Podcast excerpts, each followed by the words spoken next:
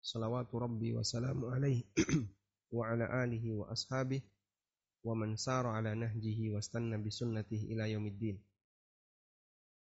Alhamdulillah kita bersyukur kepada Allah Subhanahu wa taala kembali di malam hari ini untuk waktu Yogyakarta dan waktu pagi ya untuk London dan sekitarnya kembali kita belajar tentang fikih sholat jamaah Buku yang menjadi acuan kita adalah Fikih Muyassar dan insya Allah di kesempatan kali ini kita akan membahas tentang masalah mengulang sholat jamaah apabila ada makmum yang dia ketinggalan dan dia uh, membuat jamaah yang baru. Baik, kita akan membaca keterangan dari penulis. Qala al-musannifu hafizahumullah al-mas'alatu sadisah Materi yang keenam. I'adatul jama'ati fil masjidil wahid. Hukum mengulang sholat jamaah di satu masjid yang sama. Sehingga sholat jamaah yang pertama sudah selesai. Lalu ada orang yang datang terlambat, kemudian membentuk sholat jamaah yang kedua. Idza ta'akhkhara al-ba'du an huduri jama'atil masjidi ma'al imamir ratib.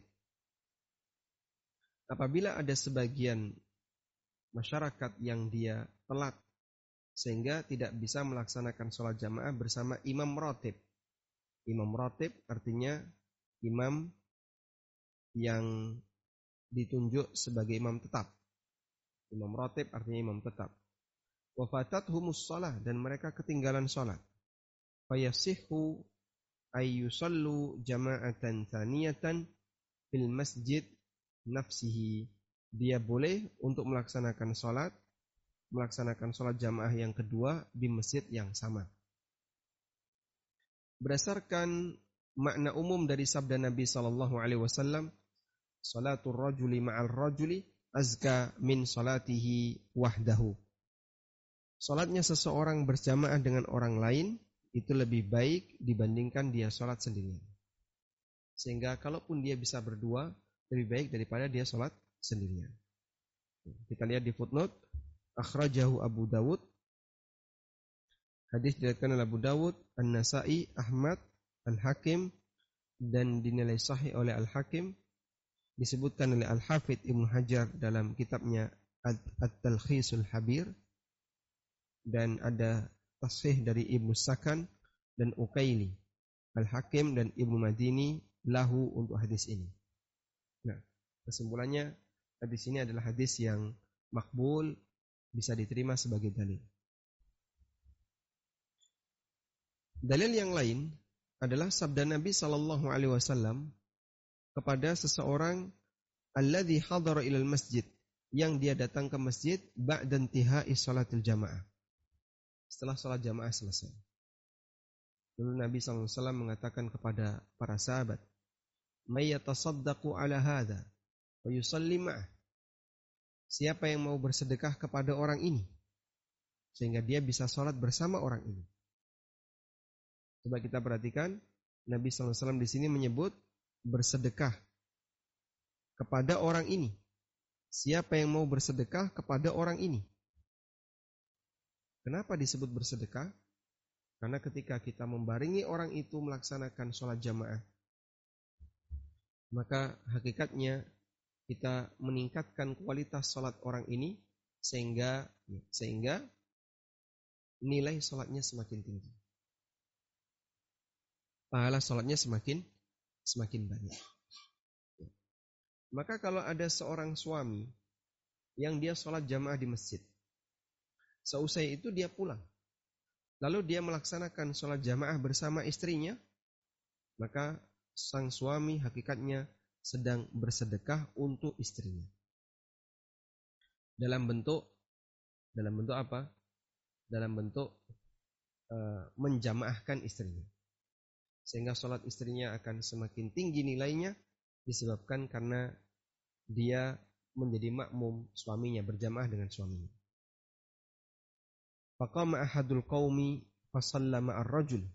Kemudian salah satu di antara sahabat dia pun berjamaah bersama orang tadi. Kita lihat di footnote akhrajahu Tirmidzi hadis diriwayatkan oleh At-Tirmidzi Ahmad dan dinilai hasan oleh At-Tirmidzi dan disahihkan oleh Syalbani rahimahumullah jami'. Nah. Kadzalika idza kana al-masjidu masjida suqin. Demikian pula ketika masjid itu adalah masjid di pasar. Autorikin atau masjid yang ada di pinggir jalan. Wa ma asbaha dzalika atau yang semisal dengan itu. Tidak masalah untuk mengulang salat jamaah. Wa bi khasatin idza lam yakun li hadzal masjid imamun ratib. Apalagi ketika di situ tidak ada imam ratib. Wa yataraddadu alaihi ahlus suki wal marrah. Sehingga masjid ini dan masjid ini uh, sering dijadikan sebagai tempat kunjungan para uh, pelaku pasar, orang-orang yang ada di pasar, wal marah dan orang lewat. Mereka silih berganti masuk ke dalam masjid. Sehingga jamaah pertama selesai, nanti masuk orang lagi, jamaah kedua selesai lagi, masuk orang lagi, dan begitu seterusnya. Maka mereka silih berganti masuk ke dalam masjid. Masjid seperti ini boleh di situ dilakukan pengulangan sholat jamaah. Amma idza kana al-masjidu fihi jama'atani aw aktsara daiman.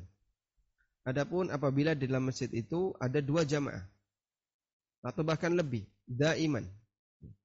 Terus menerus wa ala nahwi mustamirrin dan itu dilakukan terus menerus. Wattakhadhan nasu dzalika adatan dan bahkan masyarakat menjadikannya sebagai kebiasaan. Sehingga di sini sholat, di sini sholat, di sini sholat. Jadi satu masjid itu banyak sekali orang yang sholat. Fa'innahu la yajuz. Maka hukumnya tidak diperbolehkan.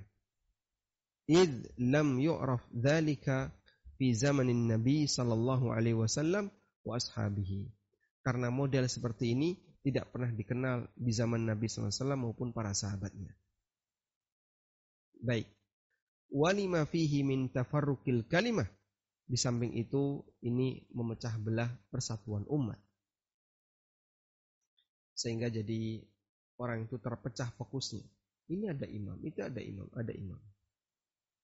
Saya harus ngikut yang mana? Kalau misalnya kita masuk dan di situ sudah tersedia tiga imam. Sehingga ada tafarrukul kalimah, memecah belah persatuan umat. Sehingga orang ketika melihat, wih ini dalam satu jamaah, eh, dalam satu masjid, kenapa ada banyak jamaah? Jadinya terkesan di situ kaum muslimin berpecah belah. Wadda'watu lima fihi min tafarruqil kalima wa da'wati lil kasal wa tawani an huduril jamaah al um ma'al imam ratib. Di samping ini, di samping itu, ini juga menyebabkan orang termotivasi untuk jadi malas, menunda-nunda pelaksanaan sholat jamaah bersama imam ratib. Warubama kana dhalika muda'atan li ta'khiris shalah an awwal waqtiha. Bahkan bisa jadi itu menjadi sebab orang menunda sholat dari waktu yang paling pertama, waktu yang awal. Baik. Sehingga realitas seperti ini tidak boleh dipertahankan kalau ada sebuah masjid yang di situ jadi kebiasaan orang mendirikan banyak sholat jamaah, ya. akhirnya orang malas-malasan. Nanti saya nanti saja nanti nanti toh sudah ada sholat jamaah yang kedua nanti juga ada sholat jamaah yang ketiga. Bisa menyebabkan orang jadi malas melaksanakan sholat jamaah. Dan efek samping yang paling buruk adalah kesan perpecahan di kalangan kaum muslimin. Ketika di situ ada sejumlah jamaah, apalagi dilaksanakan bareng-bareng. Baik, suasana seperti ini, ya, suasana seperti ini pernah terjadi di masa silam.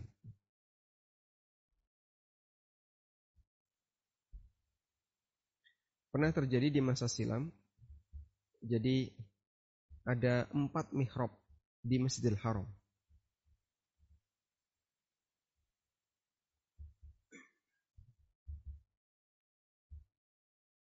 kita buka ya gambarnya.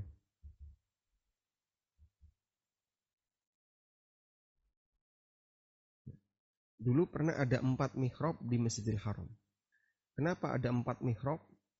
Karena ada empat madhab. Di sini gambarnya. Saya coba lihat yang ini. Saya perlihatkan yang ini. Hmm.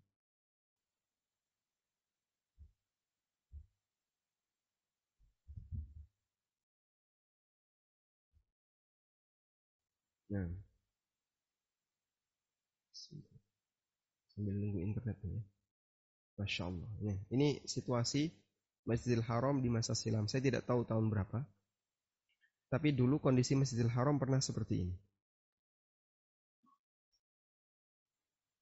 Ada empat mihrab. Ini madhab yang mana Pak? Wallahu alam. Ya.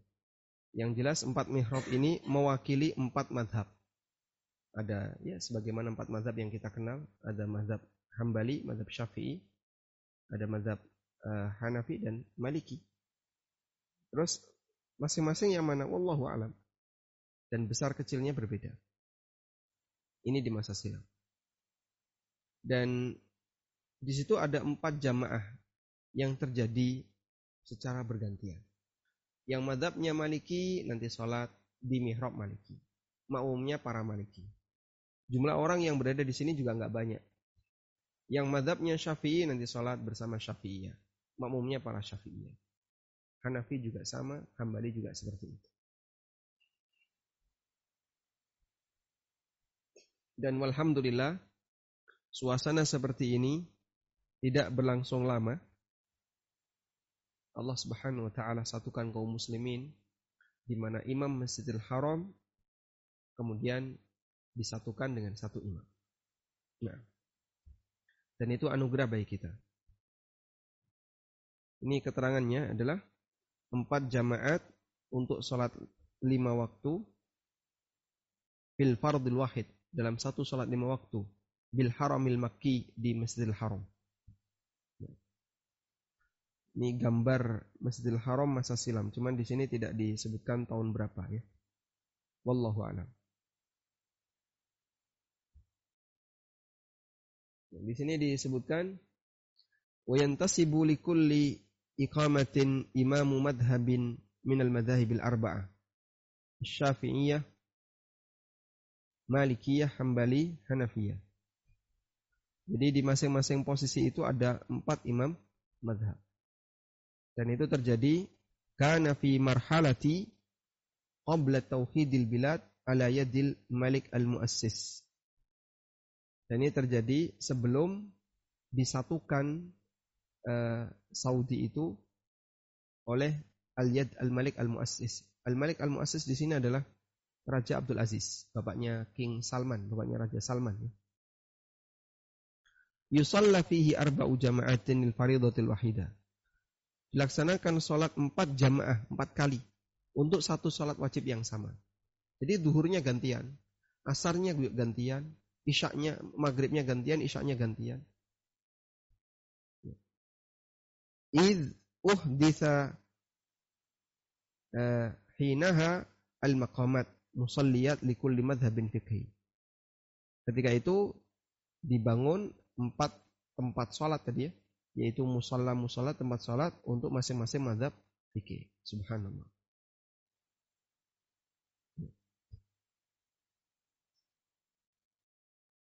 Dan alhamdulillah eh, tempat seperti ini sudah dibongkar dan kemudian disatukan jadi satu imam. Alhamdulillah. Ini anugerah dari Allah Subhanahu wa taala. Nah. Kita kembali ke bukunya. Karena ketika di situ tidak ada persatuan yang terjadi di antara umat, maka hakikat yang terjadi adalah perpecahan. Dan salah satu bukti persatuan umat adalah mereka diimami oleh satu imam di satu masjid. Bukan banyak imam. Ada pemandangan yang aneh. Ketika orang sufi, mereka mau menyatukan langkah dengan orang syiah. Tapi ternyata yang terjadi, mereka tidak bersatu.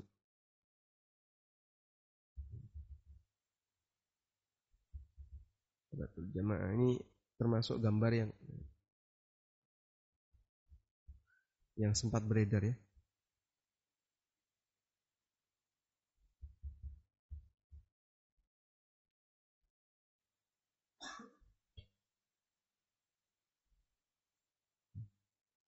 Sempat beredar sebuah gambar ada sholat antara sufi dan syiah itu dipisahkan. Padahal waktu itu acaranya adalah acara persatuan antara sufi dan syiah.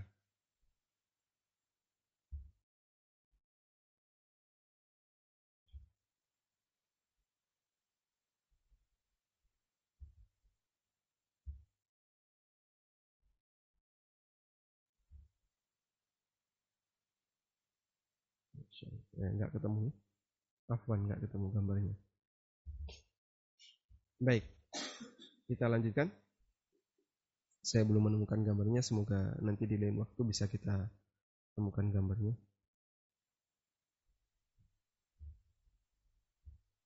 Hmm.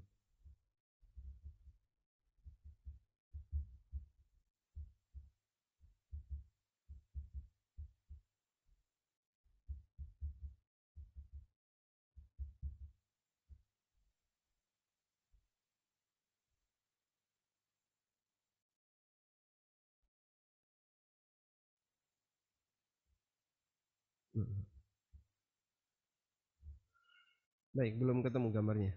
Baik. Kita lanjutkan. Qala al-musannifu hafizahumullah. Berikutnya kita akan membahas tentang penjelasan dari penulis. Al-mas'alatus sabi'ah. Pelajaran yang ketujuh. Hukmus salati idza uqimatis salatu al-maktubah Hukum melaksanakan sholat sunnah apabila sholat wajib telah diukumandangkan iqamah. Idza syara'a al-muadzinu fil iqamati li salatil fariidhah fala yajuzu li ahadin ay yabtadi'a salatan nafilah. Apabila muadzin telah melaksanakan iqamat sholat wajib. Apabila muadzin telah mengumandangkan iqamat sholat wajib maka tidak boleh bagi siapa pun untuk memulai sholat sunnah. Komat terdengar malah dia takbir sendirian di belakang. Allahu Akbar. Kenapa Pak? Qobliyah subuh. Tidak boleh. Fayatashyaghalu binafilatin yuqimuha wahdahu an ada'i faridatin tuqimuha al-jamaah. Sehingga dia fokus, dia lebih sibuk dengan mengerjakan sholat sunnah yang dia kerjakan sendiri yang menyebabkan dia meninggalkan sholat wajib yang dikerjakan berjamaah. Dan larangan ini berdasarkan sabda Nabi Shallallahu Alaihi Wasallam, "Ida uqimatis salatu fala salata illal maktubah." Apabila sholat sudah dikumandangkan iqamah, maka tidak boleh ada sholat kecuali sholat wajib. Wara'a Rasulullah Sallallahu Alaihi Wasallam rajulan yusalli wal muadzinu yuqimu li salati subhi.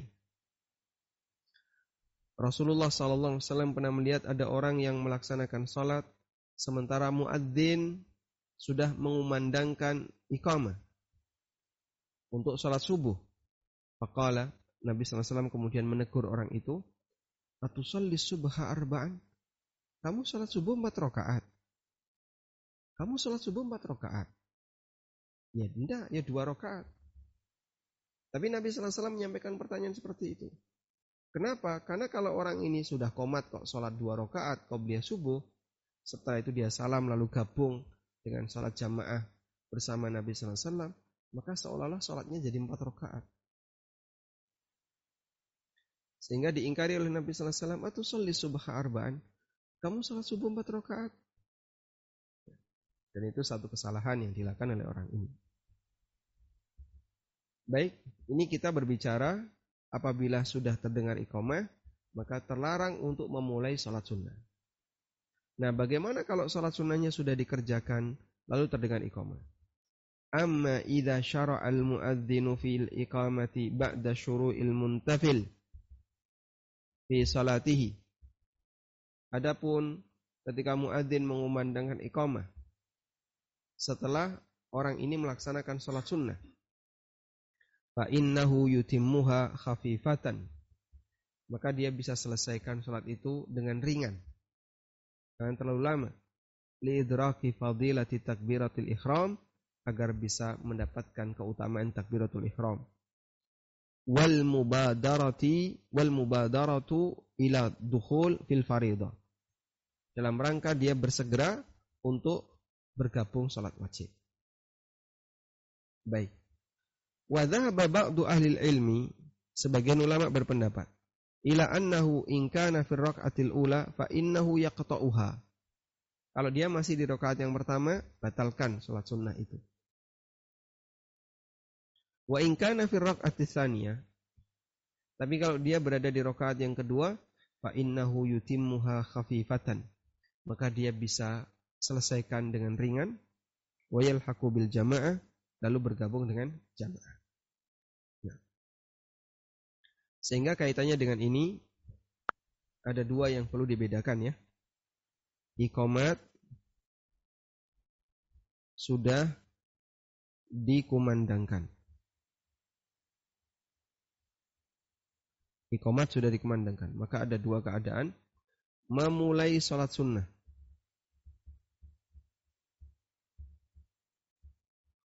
Apa hukumnya? Terlarang.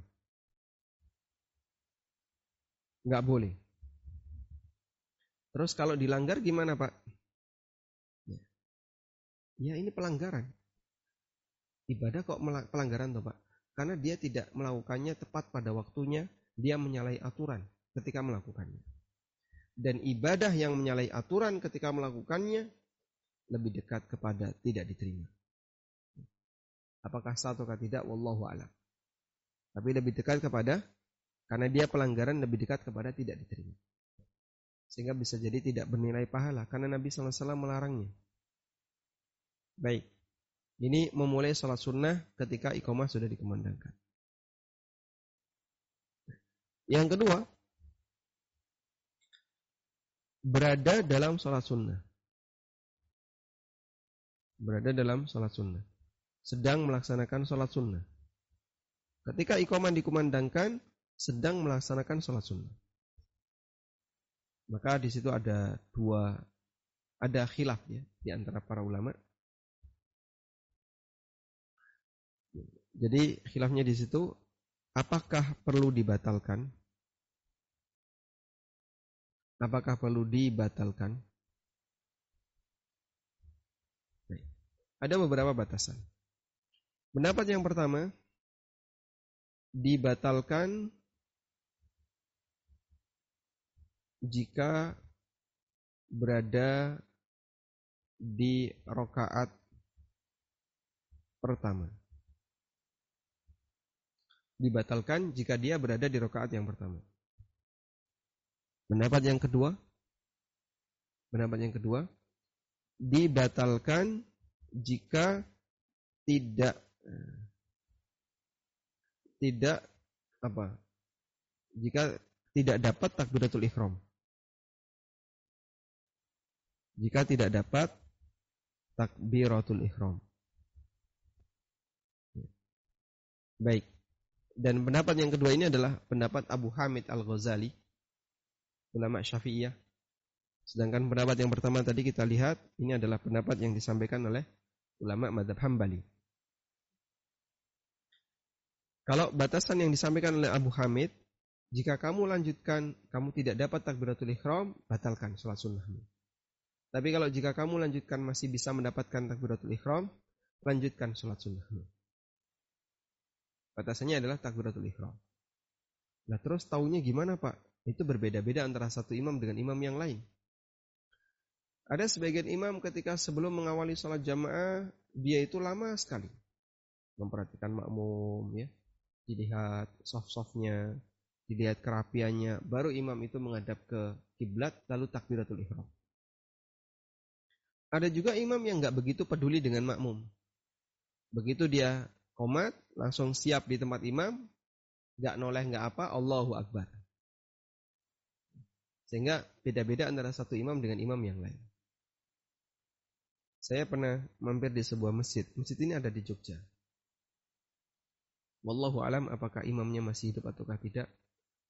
Imamnya sudah sangat sepuh ya. Ya prediksi saya usianya 70-an.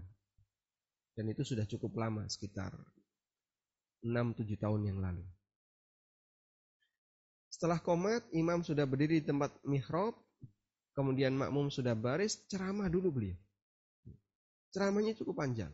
Sof yang terbaik bagi laki-laki yang paling depan, yang paling buruk, yang paling belakang bagi para wanita chef yang terbaik, yang paling belakang, yang paling buruk, yang paling depan. Itu poin pertama. Yang kedua, Rasulullah SAW meminta merapatkan soft, merapatkan soft, luruskan soft. Jangan tinggalkan celah untuk setan. Beli itu ceramah itu lama. Ya ada mungkin 2-3 menit. Baru takbiratul ihram. 2-3 menit kan cukup lama nih. Nah. Sehingga andai orang itu komat dia sholat sholat qobliyah duhur waktu itu sholat duhur. Itu masih sempat. Kita kan rata-rata sholat dua rakaat itu tiga, tiga menit rata-rata. Atau kurang dari tiga menit. Kalau yang agak lambat ya tiga menit yang agak cepat ya bisa dua menit. Itu mungkin bisa selesai. Untuk nunggu orang ini ceramah. Setelah itu baru menghadap kiblat Allahu Akbar. Baik. Ya meskipun ini kelamaan ya namun itu salah satu contoh, kadang ada imam yang takbiratul ikhramnya itu lama. Dia menyiapkan soft cukup lama. Wallahu alam. Kemudian kita lanjutkan. Di sini eh, kita telah menyelesaikan eh, bab tentang sholat jamaah sampai pada posisi Sholat sunnah apabila sudah dikumandangkan sholat wajib. Berikutnya kita berganti bab. Al-babus samin. Bab yang ke-8.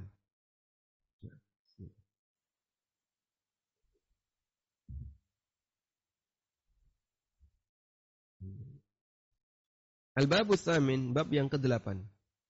Fil imamati fis salah. Terkait posisi imam dalam sholat.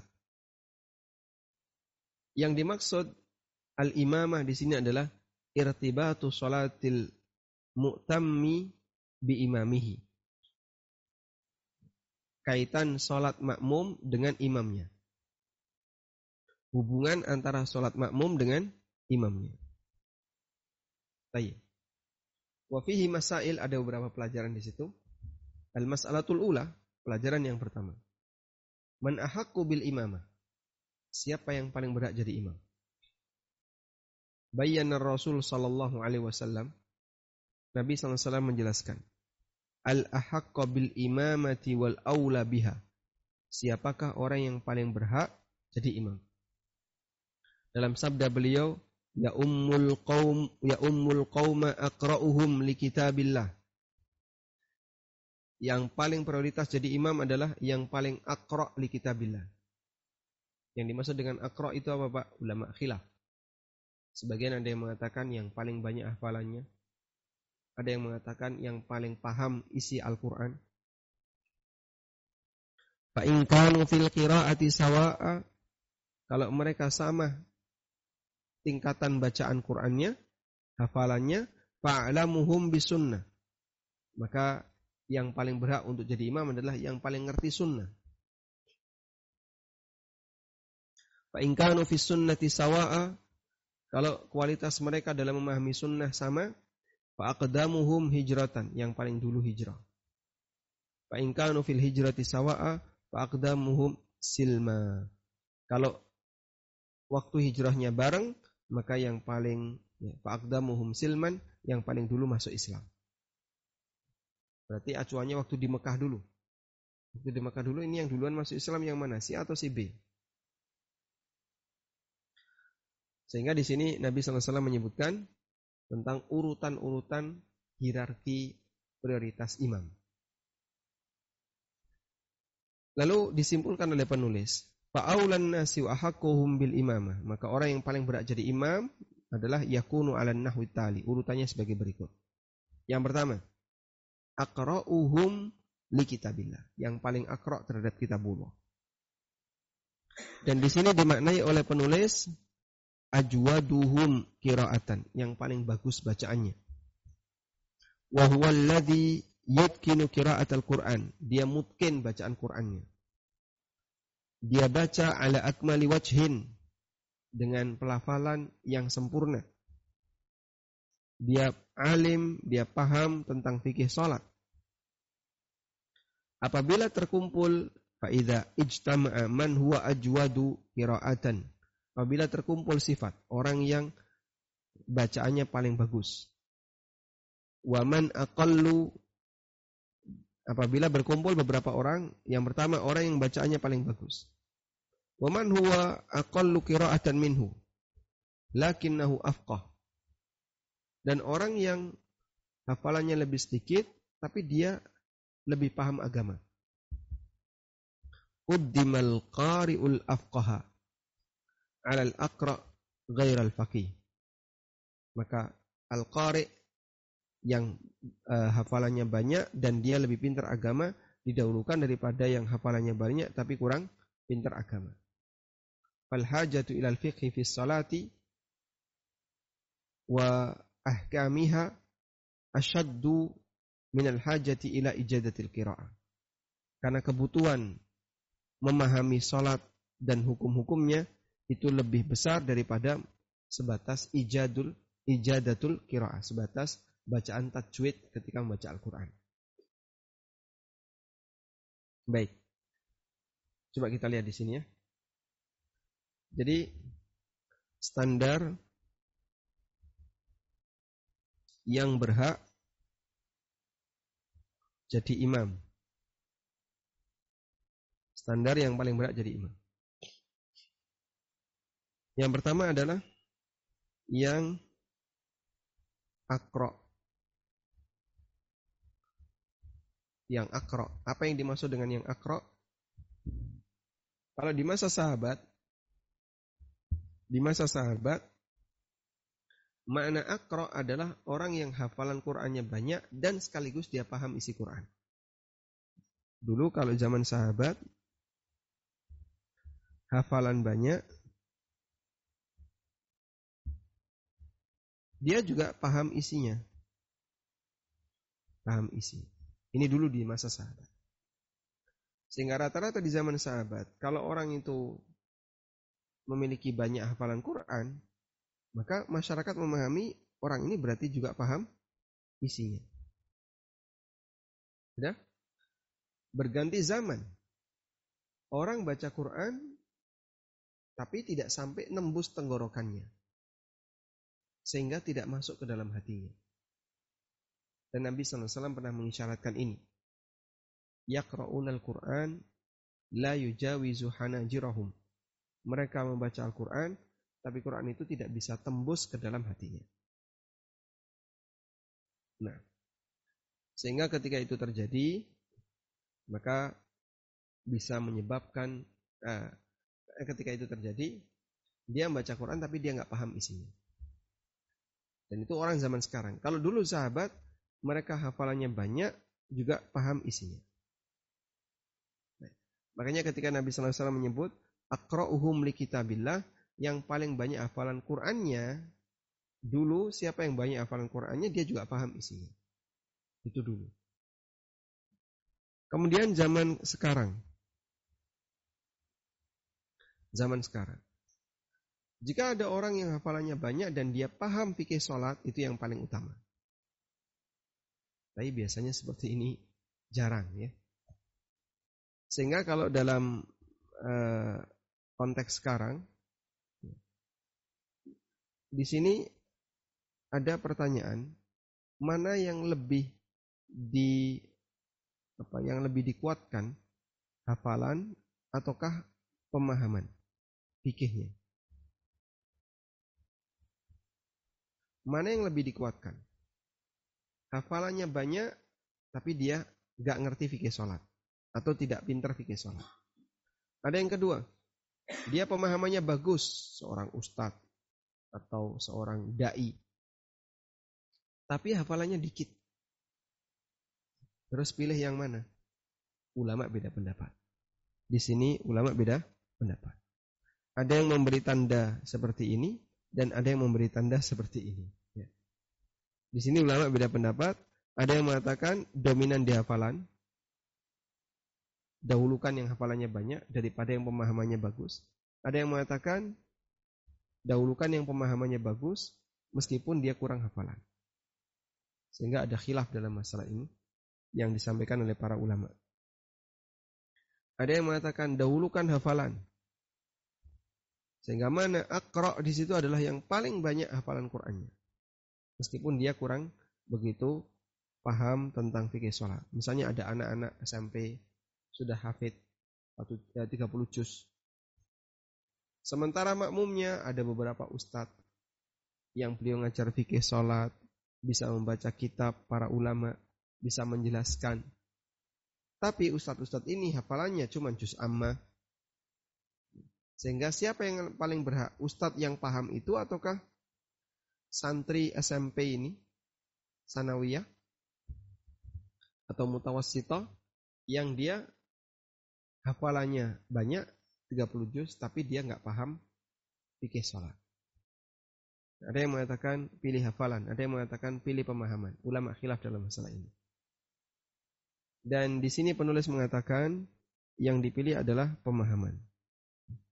Yang dipilih adalah pemahaman. Kenapa yang dipilih pemahaman? Fikihnya yang dipilih. Antara hafalan dengan fikih didahulukan fikih karena dalam kegiatan sholat jamaah, orang itu lebih butuh fikihnya daripada hafalannya. Sehingga nanti kalau ada yang keliru-keliru dalam sholat, lupa dan seterusnya, apa yang harus dilakukan? Apa yang harus dilakukan? Maka orang yang punya pemahaman fikih sholat dengan baik, dia bisa melakukan dengan tepat. Wallahu a'lam. Kemudian berikutnya. Summa al-afqahu al-a'lamu bisunnah. Kemudian yang kedua adalah pilih yang paling paham sunnah. Apabila terkumpul dua imam yang sama bacaan Qur'annya, namun yang satu lebih lebih fakih, lebih paham sunnah, quddimal afqah, maka yang lebih paham sunnah itu yang didahulukan. Berdasarkan sabda Nabi SAW, Fa in kanu fil qiraati sawa' fa'lamuhum bisunnah. Kalau kualitas bacaannya sama, maka dipilih yang paling paham sunnah. Thumma al-aqdam wal asbaqu hijratan. Kemudian siapa yang paling dulu hijrah? Meninggalkan negeri kafir menuju negeri Islam. Apabila sama hafalan Qur'annya, sama pengetahuan tentang sunnah. Maka dicari siapa yang lebih duluan hijrah. Kalau zaman sekarang kan konteksnya nggak ada pak. Baik. Kalau begitu siapa yang lebih dulu masuk Islam? Sama-sama masuk Islam sejak bayi. Nah, maka pilihan yang terakhir, Tumma al-akbaru sinnan. Pilih yang paling dewasa usianya. Yang paling tua usianya. Apabila semuanya sama, kualitas Qur'annya sama, kualitas hadisnya sama, ini satu kelas ketika belajar di pondok, sehingga masuk Islamnya juga sama, dari kecil mereka masuk Islam, dari sejak lahir sudah Islam, karena orang tuanya Islam. Maka penentunya adalah al-akbaru sinnan, yang paling tua usianya. Nah. Berdasarkan sabda Nabi SAW pada hadis di atas, Fa'ingkanu fil hijrati sawa'a, fa'akdamuhum silman, wa fi riwayatin sinna. Apabila mereka hijrahnya itu bareng sama, maka siapa yang lebih dulu dia lahir, artinya lebih tua usianya. Sehingga yang lebih tua didahulukan. Nah, kalau kembar gimana Pak? Lahirnya bareng Masya Allah. Jadi semua faktor ada di situ. Dia sudah pokoknya pilih salah satu. Ya, insya Allah sah sholatnya. Dan Nabi SAW juga pernah bersabda, wal ya ummakum akbarukum. Hendaknya yang jadi imam adalah yang paling tua di antara kalian. Dan ini pesan yang beliau sampaikan kepada uh, sahabat yang mereka datang ke Madinah kemudian pamit untuk pulang. Salah satunya ada sahabat yang terkenal adalah Malik ibnul Huwairith Malik ibnul Huwairith Sebelum pulang dibesani oleh Nabi SAW. Wasallu kama ra'aitumuni usalli. Salatlah kamu seperti kamu melihatku salat.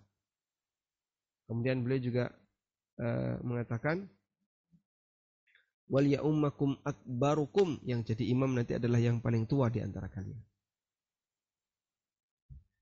Itu pengalaman yang didapatkan oleh Malik Ibn Huwairis ketika beliau datang bersama rombongan satu kampung belajar Islam lalu tinggal beberapa waktu di Masjid Nabawi kemudian ketika mereka sudah ingin rindu pulang dilepas oleh Nabi Sallallahu Alaihi Wasallam dengan beberapa nasihat dan nasihat itu yang diterima oleh Malik Ibn Huwairis banyak dijadikan sebagai rujukan terkait masalah bagaimana fikih sholat. Kemudian di sini dinyatakan, Fa'idha stawaya fi jami'i ma sabaqa quri'a bainahuma. Kalau semua kriteria tadi itu sama persis, tidak ada yang lebih unggul, maka dilakukan al-qur'ah. Apa itu Pak? Undian. Masya Allah. Menentukan jadi imam, pingsut, Bacaan Qurannya sama, pengetahuan hadisnya sama, dulu satu kelas ya. Usianya sama, masuk Islamnya sama-sama dari bayi. Sudah semua faktor sama. Terus siapa yang lebih berhak? Pingsut. Paman ghalaba fil qur'ati kuddima. Yang menang, maka dia yang didahulukan. Wasahibul bait ahakku bil imamati min daifihi. Pemilik rumah lebih berhak untuk jadi imam dibandingkan tamunya. Berdasarkan sabda Nabi SAW, La ya ummanna rajulu ar-rajula fi ahlihi wala fi sultanihi. Seseorang tidak boleh ngimami orang lain fi ahlihi di keluarganya, di rumahnya. Wala fi sultanihi juga tidak boleh uh, di daerah kekuasaan temannya, orang lain. Sehingga kita bertamu. Tidak boleh tiba-tiba nyelonong jadi imam. Tidak boleh. Ini haknya tuan rumah. Atau kita mampir di sebuah masjid yang kita nggak kenal. Maka di situ kita tidak boleh uh, apa? Kita tidak boleh tiba-tiba nyelonong jadi imam karena kita tidak tidak punya wewenang untuk itu. Wakada sultanu ahakku bil imamati min ghairihi wa huwal imamul a'zam. Demikian pula sultan pemimpin yang sah dia lebih berhak untuk jadi imam dibandingkan yang lain dan itu merupakan imam a'zam. Berdasarkan al-hadithul madhi, hadis sebelumnya qabla qalil. Wa kadzalika imamul masjid ar-ratib aula min ghairihi. Demikian pula imam resmi lebih berhak dibandingkan yang lain kecuali pemerintah hatta wa inkana ghairuhu aqra'a minhu wa'lam meskipun bisa jadi ada orang lain yang bacaan Qur'annya lebih bagus dan lebih ngerti sunnah berdasarkan makna umum dari sabda Nabi SAW la ya umanna rajulu rajula jangan sampai seseorang itu mengimami orang lain fi ahlihi di rumahnya atau di wilayah kekuasaannya Baik. Kita bahas ini ya. Uh, siapa yang berat jadi imam?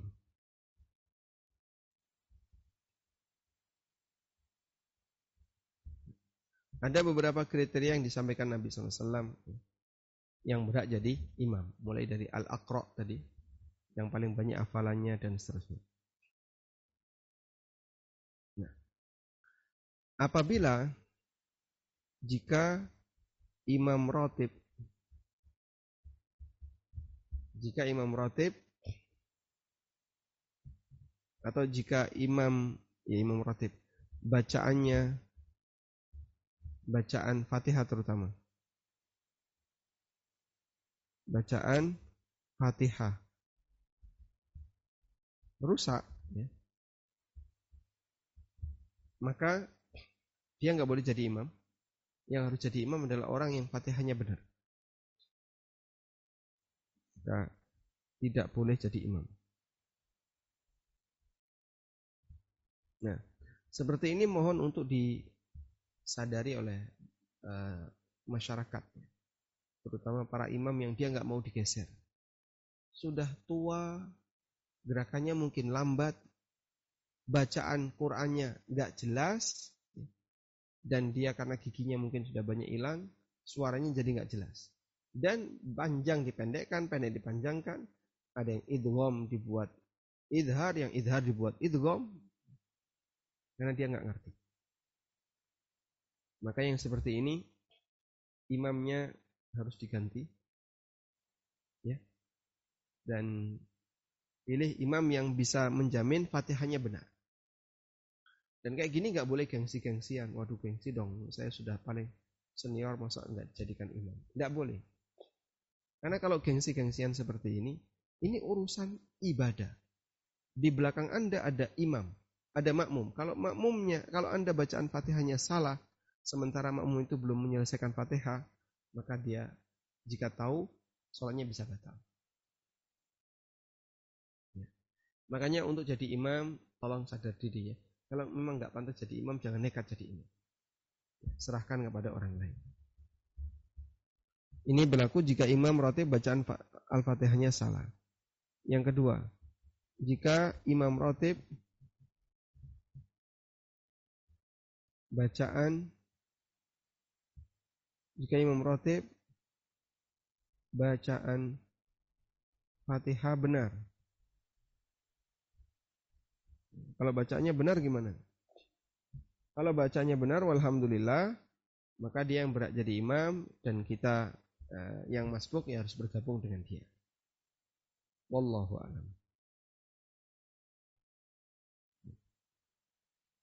Walhamdulillahirobbilalamin. Kemudian di sini ada pembahasan tentang siap orang yang tidak boleh jadi imam. Tapi insya Allah akan kita baca di pertemuan berikutnya insya Allah taala. Demikian sebagai pengantar semoga bermanfaat.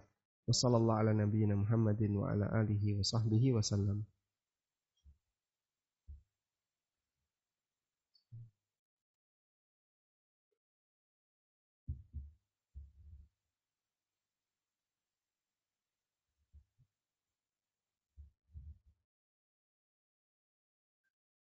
Baik, uh, mungkin pertanyaan bisa ditampilkan. Antum bisa pakai mikrofon atau panitia bisa bantu? Silahkan. Ini ada yang resen silahkan.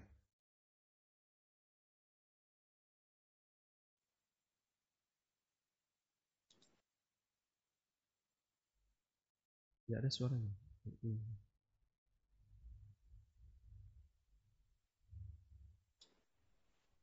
Assalamualaikum. Waalaikumsalam Kesulitan untuk uh, membuka uh, mic saya. Mungkin oh, suara okay. saya. Bismillahirrahmanirrahim. Ini begini banyak pertanyaan untuk saya, cuma saya singkat aja. Kalau saya ke masjid untuk berjamaah. Baik, pelan-pelan ya, biar bisa saya catat. Oke. Okay. Baik, yang pertama. Komat sudah dikomandangkan. Mm -hmm. Tapi saya belum tahiyatul masjid. Lah itu kan haknya masjid. So selaido. Apa yang harus saya kerjakan? Itu number, number one. Hmm. Number two. Uh, sering saya ada tamu. Tamunya itu ustad. Banyak. Gimana? Tamunya itu ustad-ustad yang datang ke rumah saya misalnya. Anak saya bacaannya tidak bagus. Terus waktunya sudah mulai jamaah. Terus kalau saya sebagai tuan rumah, menunjuk ustadz itu sebagai imam, bukan anak saya. Apakah dibolehkan di dalam Islam? Ini yang kedua ya? Nomor dua. hmm Nomor ketiga, saya juga sering uh, anak-anak mengimami saya karena kita hanya kelompok kecil aja di rumah. Saya bilang, ojo koma dise, ojo koma dise. Ibu tak sholat sunnah dise. Ah, apakah boleh saya mengatakan begitu? Kalau jamaah, walaupun itu empat lima orang di rumah yang sudah menunggu waktunya. Karena saya terakhir, saya memberitahu anak saya, ojo koma dhisik, ojo koma dhisik, begitu. Saya tak sholat sunnah dulu, apakah boleh saya gitu? Jazakumullah khair. Masya Allah. Itu ojo koma dhisik itu pakai bahasa Inggris atau pakai bahasa Baik. Baik, kita coba bahas yang pertama ya. Ketika kita masuk masjid, Lalu ikomah sudah dikumandangkan. Berarti kita kalau bergabung dengan sholat wajib otomatis tidak sholat dua rakaat tahiyatul mas masjid. Padahal itu kan hak masjid yang harus kita tunaikan. Baik. Yang pertama terkait kita share konten dulu.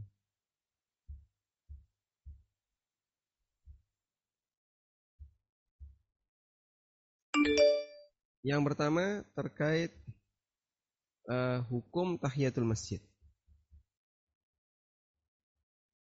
Hukum tahiyatul masjid. Ulama beda pendapat memang ya. Jumhur mengatakan anjuran, tidak wajib. Dan ada sebagian yang mengatakan wajib. Dan ini pendapat uh, Zahiriyah. Kemudian pendapat Syekh Albani dan Syekh Mukbil Al-Wadi'i rahimahumullah. Ada Zahiriyah ini mengatakan wajib. Sehingga ada khilaf dalam masalah ini terkait hukum sholat tahiyatul masjid. Dan insya Allah pendapat yang lebih kuat dalam hal ini adalah pendapat yang mengatakan dianjurkan dan tidak wajib. Pendapat jumhur. Sudah? Sehingga kalau tadi ada uh, kasus masuk masjid sudah ikomat sehingga otomatis belum tahiyatul masjid. Jika kita sepakat dengan pendapat jumhur, maka berarti di situ ada benturan antara amal yang sifatnya anjuran dengan amal yang sifatnya wajib. Yaitu sholat wajib. Kita pilih yang mana? Kalau ada benturan antara amal yang sifatnya wajib dengan amal yang sifatnya sunnah. Waktunya sama. Tentu saja kita harus pilih yang kita harus pilih yang wajib. Yang wajib harus didahulukan daripada yang sunnah. Dan itu kaidah umum. Karena Allah lebih mencintai yang wajib. Allah lebih mencintai yang wajib. Allah Subhanahu wa taala berfirman dalam hadis qudsi, "Wa taqarraba 'abdi wa taqarraba 'abdi bi syai'in ahabbu ilaihi mimma alaihi." Tidak ada ibadah yang dikerjakan oleh hambaku yang lebih aku cintai melebihi ibadah yang statusnya aku wajibkan untuknya. Melebihi ibadah yang aku wajibkan untuknya. Baik, sehingga dahulukan yang wajib daripada yang sunnah. Ini kaidah umum. Kemudian ada pendekatan yang kedua. Pendekatan yang kedua adalah berbicara tentang makna apa tahiyatul masjid itu. Tentang makna apa tahiyatul masjid. Sebenarnya tahiyatul masjid itu apa sih Pak? Apakah hanya dengan sholat dua rakaat sunnah ataukah bisa dengan sholat yang lain? Coba kita lihat hadisnya. Nabi Shallallahu Alaihi Wasallam bersabda tentang tahiyatul masjid. Ya. Rasulullah Shallallahu Alaihi Wasallam mengatakan, "Faliyarka rak'atain."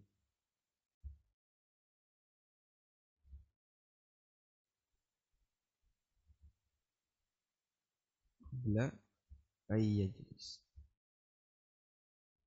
Kata beliau sallallahu alaihi wasallam terkait tahiyatul masjid ya.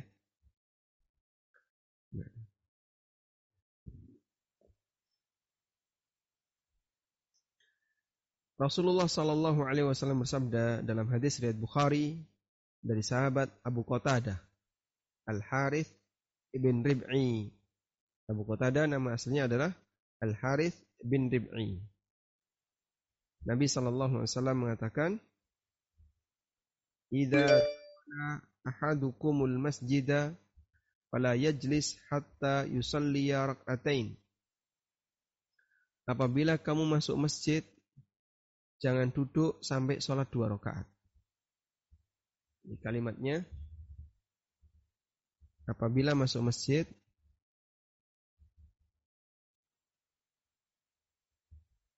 apabila masuk masjid jangan duduk sampai sholat dua rakaat. Artinya sholat minimalnya dua rakaat. Kalau kurang dari itu berarti belum belum melaksanakan tugas di hadis ini. Hadisnya riwayat Bukhari. Sehingga di situ kita perhatikan. Amal itu dikaitkan dengan masuk masjid. Pokoknya kalau kamu masuk masjid. Amal itu dikaitkan dengan apa? Masuk masjid. Jika kamu masuk masjid. Berarti ada hubungan implikasi. Jika kamu masuk masjid. Dikaitkan dengan masuk masjid. Maka jangan duduk. Jangan duduk sampai sholat dua rakaat. Dan ini jadi, kalau boleh saya sebut jadi syarat. Sholat dulu dua rakaat, baru duduk di dalam masjid. Sudah? Sholat dua rakaat di sini kan Nabi SAW tidak menyebut sholat apa. Yang penting pokoknya sholat dua rakaat. Di sini jadi pertanyaannya, sholat apa? Dua rakaat ini. Jawabannya, yang penting dua rakaat. Beliau tidak mengatakan sampai kalian sholat tahiyatul masjid dua rakaat. Tapi yang beliau sampaikan sampai kalian sholat dua rakaat. Sholat apa? Yang penting sholat dua rakaat. Gitu ya. Nah, sholat dua rakaat ini bisa bentuknya sholat wajib itu sendiri. Sehingga saat Anda masuk masjid, sholat wajib sudah mulai. Maka langsung gabung. Nah, ketika, ketika kita sholat wajib, berapa rakaat? minimal dua, nggak ada yang kurang dari dua. Minimal dua, ada yang tiga dan empat. Sudah? Berarti ketika kita sholat wajib, otomatis kita sudah mengamalkan perintah yang ada dalam hadis ini. Kalau kamu masuk masjid, jangan duduk dulu sampai sholat. Nah, saya sholat, sholat wajib. Lebih dari dua rakaat. Berarti setelah itu saya boleh duduk. Sehingga ini sudah bisa disebut mewakili tahiyatul masjid. Sudah? Yang kedua adalah sholat sunnah. Nah, sholat sunnah di sini bisa semua bentuk sholat sunnah. Contohnya gimana Pak? Misalnya tahiyatul masjid, eh, misalnya qobliyah subuh. Saya masuk masjid pas sebelum subuh. Maka saya qobliyah subuh dengan niat qobliyah subuh dan tahiyatul masjid sah sebagai tahiyatul masjid. Yang penting kan saya sholat dua rakaat. Ya. Atau bisa sholat tersendiri.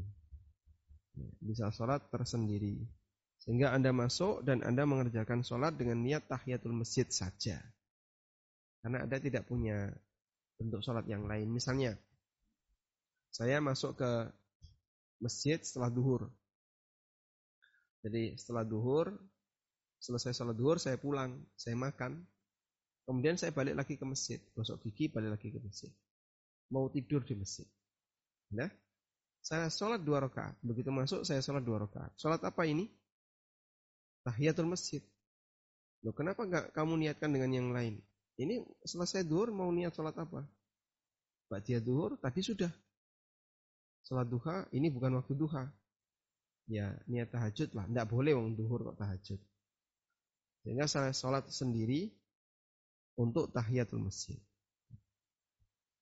Dalam rangka untuk memenuhi tugas apabila masuk masjid jangan duduk sampai sholat dua rakaat. Wallahu a'lam. Kemudian, insya Allah dipahami ya, sehingga eh, ada dua pendekatan untuk kasus masuk masjid sudah iqomah. Pendekatan yang pertama, tahiyatul masjid itu hukumnya sunnah menurut jumhur dan kalau amal sunnah berbenturan dengan amal wajib dahulukan yang wajib. Pendekatan yang kedua, ketika kita sedang ketika kita masuk masjid lalu langsung melaksanakan kita langsung melaksanakan sholat wajib, maka kita sudah dianggap telah melaksanakan perintah dalam hadis tadi. Idza dakhala ahadukumul masjida fala yajlis hatta yusalli rak'atain. Apabila kamu masuk masjid, jangan duduk sampai sholat dua rakaat. Kita sudah melaksanakan ini. Kasus yang kedua, tuan rumah boleh nggak nunjuk tamu untuk jadi imam? Jawabannya boleh. Tapi tamu itu nyelonong jadi imam tidak boleh. Kalau tamu itu nyelonong jadi imam tidak boleh. Tapi kalau dia ditunjuk jadi imam silahkan. Yang ketiga, minta ikomah ditunda. Boleh atau tidak? Jawabannya boleh. Apabila uh, ini bukan tempat umum di mana ada banyak orang yang punya kepentingan. Tapi kalau misalnya di situ adalah sholat di rumah, Anda diimami oleh anak sendiri, sehingga tidak mengganggu kepentingan orang lain, terus minta si ojo si ibu tak sholat dulu, silahkan. Wallahu a'lam.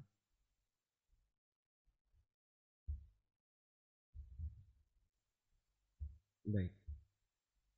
Di kolom chat tidak ada.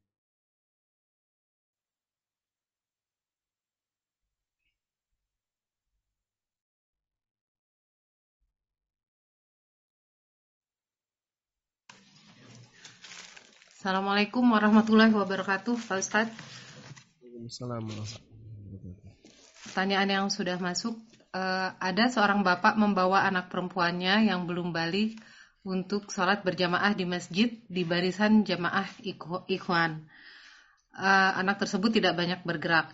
Sahkah sholatnya jika sholat uh, si bapak tersebut sejajar dengan anak perempuannya yang tadi?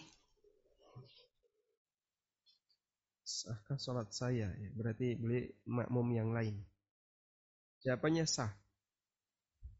Karena makmum lelaki dengan makmum perempuan, makmum lelaki dengan makmum perempuan, kalaupun jajar itu tidak menyebabkan sholatnya jadi batal. Kita bisa lihat suasana di Masjidil Haram, termasuk juga di Masjid Nabawi. Di Masjid Nabawi, musolan nisa itu berada di belakang. Meskipun demikian, yang sholat di antara tepi-tepinya cukup banyak. Jadi eh, kalau kita lihat di peta ya di Masjid Nabawi.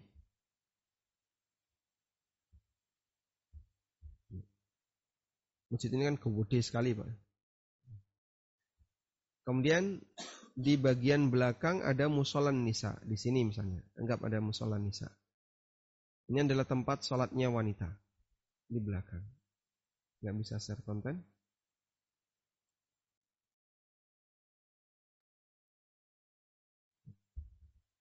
di belakang ini untuk wanita. Dan ini ruangannya gede gede sekali. Di sini banyak lelaki yang sholat. Ini depan, ini depan. Di sini banyak lelaki. Ini di Masjid Nabawi. Kalau suasana di Masjidil Haram kita tahu sendiri ya. Kadang di depan sana ada ibu-ibu, kita di belakang jauh. Dan itu hal yang lumrah. Maka dalam hal ini wallahu alam ketika ada orang yang bawa anak kecil yang belum balik masuk ke dalam masjid lalu dia sholat di sebelahnya dan anak itu anteng maka sholat anak ini sah dan sholat bapak-bapak di sekitarnya juga sah. Wallahu a'lam.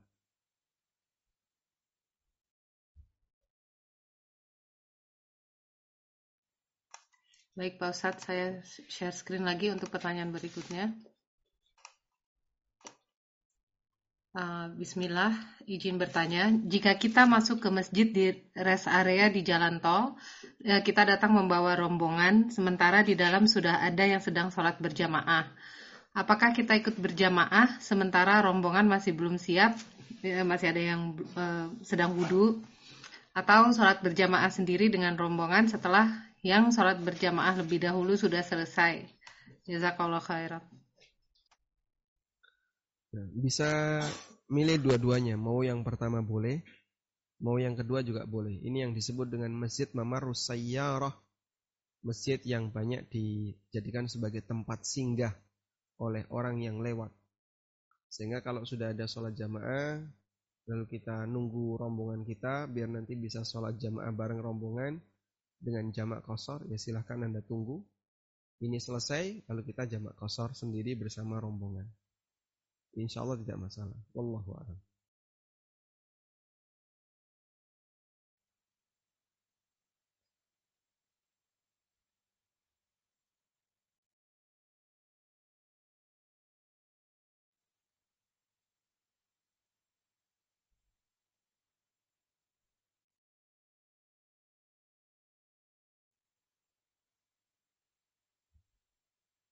Hmm. Oh maaf, uh, saya ternyata belum unmute. Assalamualaikum warahmatullahi wabarakatuh Ustadz. Apabila seorang makmum masbuk mendapati imam masih ruku, kemudian saat makmum ini mengangkat takbiratul ikram, tiba-tiba imam tidak. Nah, apakah makmum ini ruku dan mendapatkan satu rakaat atau dia menunggu imam iktidal dan tidak ruku sehingga tidak mendapatkan satu rakaat? Jazakallah khairan. Nah.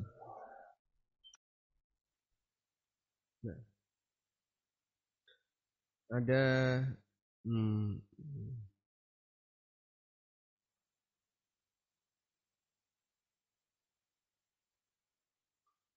sebentar. Nampaknya saya ingat pernah saya bahas, saya bahas ini ya. Enggak ada. Sudah aku. Taib kah? Berarti tidak ada ya.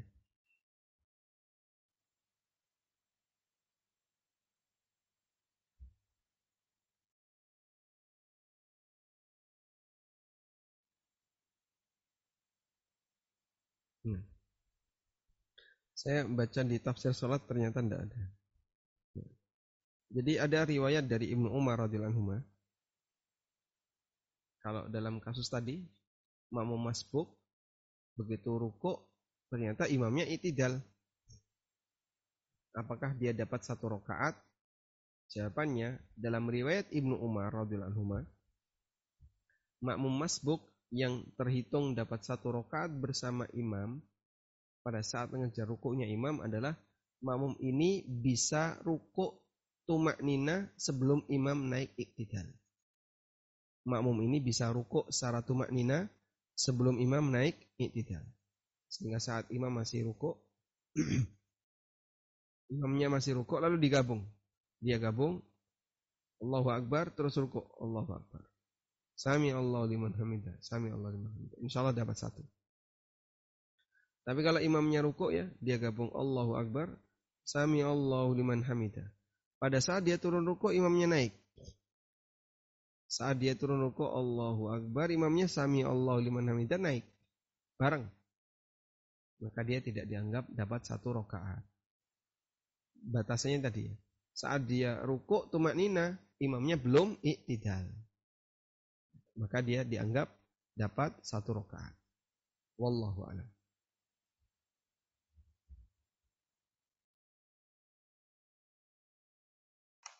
Uh, baik, Pak Ustadz, ini ada yang raise hand. Kebetulan uh, Pak Mariono, Tafadol.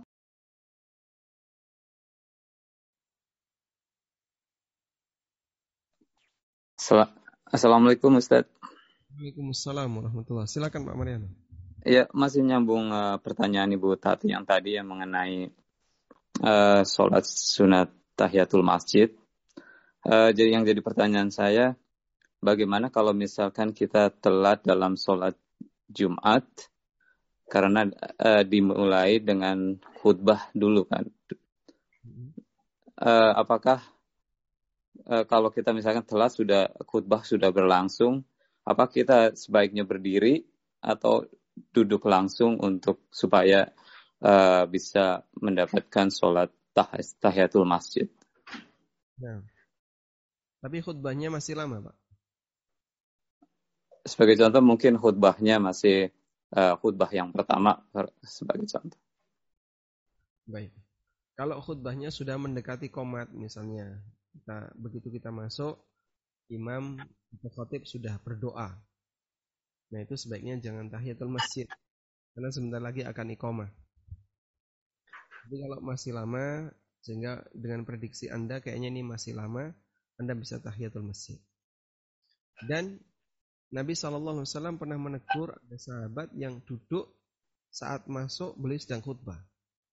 Sementara sahabat ini belum tahiyatul masjid. Nama sahabat ini adalah Sulaik Al-Ghatfani. Sahabat Sulaik Al-Ghatfani masuk ke dalam masjid pada waktu Nabi Shallallahu Alaihi Wasallam sedang berkhutbah. Begitu Sulaik ini masuk, dia langsung duduk. Ditanya oleh Nabi Sallallahu Alaihi Wasallam, hal salaita? Kamu sudah salat? Belum. Lalu Nabi SAW mengatakan, salli rak'ataini wal yatajawwas fihima. Kerjakan sholat dua rakaat, tapi jangan lama-lama, dibuat ringan. Kemudian beliau sholat dua rakaat sebagai tahiyatul masjid. Ini dalil bahwasanya makmum yang masbuk maka dan imam sedang khatib sedang berkhutbah maka makmum masbuk ini segera sholat tahiyatul masjid tapi tidak boleh lama-lama. Biar dia bisa mendengar khatib ya, mendengar ceramahnya khotib dari atau lebih lengkap. Ya. Kemudian bagaimana kalau masuk masjid dalam posisi sedang mendengar adzan? Dia sampai di masjid, adzan Jumatan berkumandang. Sudah? Apakah berdiri menunggu adzan selesai sambil menjawab adzan ataukah dia sholat tahiyatul masjid bersamaan dengan adzan? Baik, di sini ada dua keadaan. Kalau dia nunggu adzan, sehingga dia berdiri nunggu adzan sampai selesai, baru sholat tahiyatul masjid. Maka konsekuensinya dia sholat tahiyatul masjid di saat imam sedang berkhutbah, di saat khotib berkhutbah. Sehingga dia kehilangan kesempatan untuk mendengarkan khutbah. Yang kedua, apabila dia sholat tahiyatul masjid bersamaan dengan adzan, maka bisa jadi dia menyelesaikan sholat, begitu adzan selesai, dia sholatnya selesai. Dia bisa mendengarkan khutbah dari khatib lebih lengkap. Nah, karena dia sudah selesai sholat saat muadzin selesai. Mana yang dipilih? Yang pertama atau yang kedua? Para ulama mengukurnya seperti ini. Dari dua bentuk suara ini, khutbah dan adzan. Mana sih yang lebih yang lebih ditekankan untuk didengar? Mana yang lebih ditekankan? Jawabannya, khutbah lebih ditekankan. Untuk diperhatikan. Loh kok bisa pak? Ada banyak dalil tentang itu. Contohnya, orang mendengarkan adzan sambil ngobrol dengan orang lain boleh atau tidak? Boleh. Sambil makan? Boleh. Sambil rebahan? Boleh. Sambil minum sesuatu? Bismillah. Alhamdulillah. Sambil mendengarkan adzan. Dan dia bisa jawab? Boleh. Tapi kalau mendengarkan khutbah sambil ngobrol dengan orang lain tidak boleh. Dan Nabi SAW mengatakan, "Idza qulta li sahibika ansid wal imamu yakhtub faqad lagauta." Kalau kamu mengatakan kepada sampingmu, diam. Ya, diam. Dan imam sedang berkhutbah, maka kamu telah mengukurkan pahala Jumatanmu. Jadi ada orang yang dia ketika imam sedang khutbah, dia melakukan amar ma'ruf nahi mungkar, melarang orang untuk bicara. Diam, jangan bicara. Itu imam sedang khutbah. Dia sendiri kena itu. Dia sendiri kena. Padahal dia sedang amar ma'ruf nahi mungkar. Itu tidak boleh. Maka praktek seperti ini bisa menyebabkan pahala Jumatannya jadi gugur. Sehingga begitu masuk masjid semuanya harus diam, langsung mendengarkan imam berkhutbah. Maka dari sini berarti dari sisi kekuatan eh, apa? Kekuatan mana yang harus diperhatikan? Khotib lebih kuat daripada muadzin. Karena itu pada waktu kita masuk masjid dan imam dan ikoma atau adzan sedang dikumandangkan, maka sebaiknya kita langsung sholat tahiyatul masjid barengi adzan ini, ya, membersamai adzan ini. Begitu adzan selesai, begitu adzan selesai, uh, apa kita bisa mendengarkan khotib lebih lebih lengkap. Wallahu a'lam. Jazakallah khairan uh, Pak Ustadz. Uh, masih boleh satu atau dua pertanyaan lagi Pak Ustadz? Baik, silahkan. Oke, okay, sebentar saya share screen.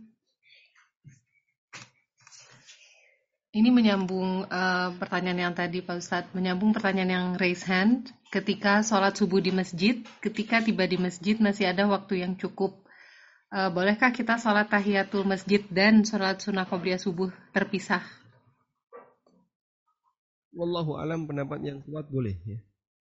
Karena eh, larangan sholat lebih dari satu sebelum lebih dari dua rakaat sebelum sebelum subuh itu maksudnya adalah tidak sholat mutlak, tidak sholat sunnah mutlak. Tapi kalau sholat sunnahnya, sholat sunnah punya sebab, hukumnya boleh. Tahiyatul masjid punya sebab. Qobliyah subuh punya sebab. Sehingga terpisah dua rakaat, dua rakaat boleh. Sedangkan ada larangan tidak boleh sholat lebih dari dua rakaat sebelum subuh. Itu maksudnya adalah sholat sunnah mutlak jangan dilakukan sebelum subuh. Wallahu alam. Sholat sunnah mutlak itu berarti sholat sunnah yang nggak punya sebab.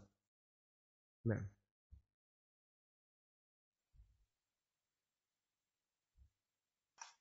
Ya baik, e, pertanyaan terakhir untuk malam ini apa Ustadz?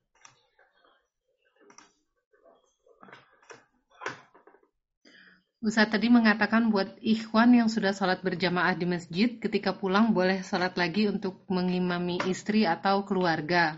E, berarti boleh mengulang sholat yang sama dua kali ya Pak Ustadz? Ini pernah dilakukan oleh sahabat Mu'ad bin Jabal.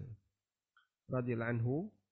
Mu'ad beliau sholat di Masjid Nabawi bersama Nabi Shallallahu Alaihi Wasallam. Selesai itu beliau pulang. Sampai di kampungnya, Mu'ad ngimami di musola. Di kampungnya. Sudah ditunggu sama warga. Mu'ad ngimami. Dan itu jadi tradisi dan kebiasaan Mu'ad. Sehingga sahabat Mu'ad Ibnu Jabal melakukan sholat wajib dua kali. Karena itu tidak masalah orang melaksanakan sholat wajib dua kali yang pertama statusnya wajib, yang kedua statusnya sunnah. Wallahu alam. Wassallallahu ala nabiyyina Muhammadin wa ala alihi wa sahbihi wa sallam. Wa akhiru da'wana anilhamdulillahi rabbil alamin. Subhanakallahumma wa bihamdika.